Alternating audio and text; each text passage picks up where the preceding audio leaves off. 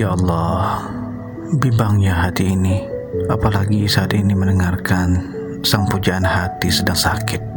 Dan aku sangat khawatir akan dirinya ya Allah. Karena keadaan dan jarak, aku tak bisa di sampingnya saat ini.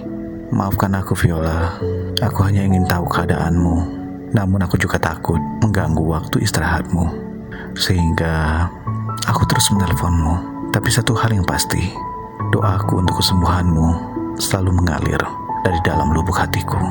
Kulambungkan doa setinggi langit pada Tuhan yang dengan izinnya insya Allah akan memberikan kesembuhan. Semoga lekas sembuh gadis pemilik rinduku.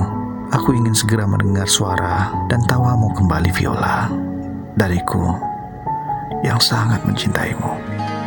Tuhan jaga dia Jaga hati dan cintanya untukku. Karena ku selalu menunggumu.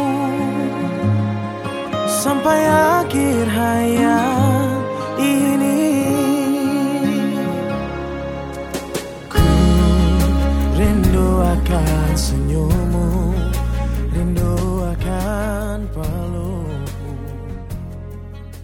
even someone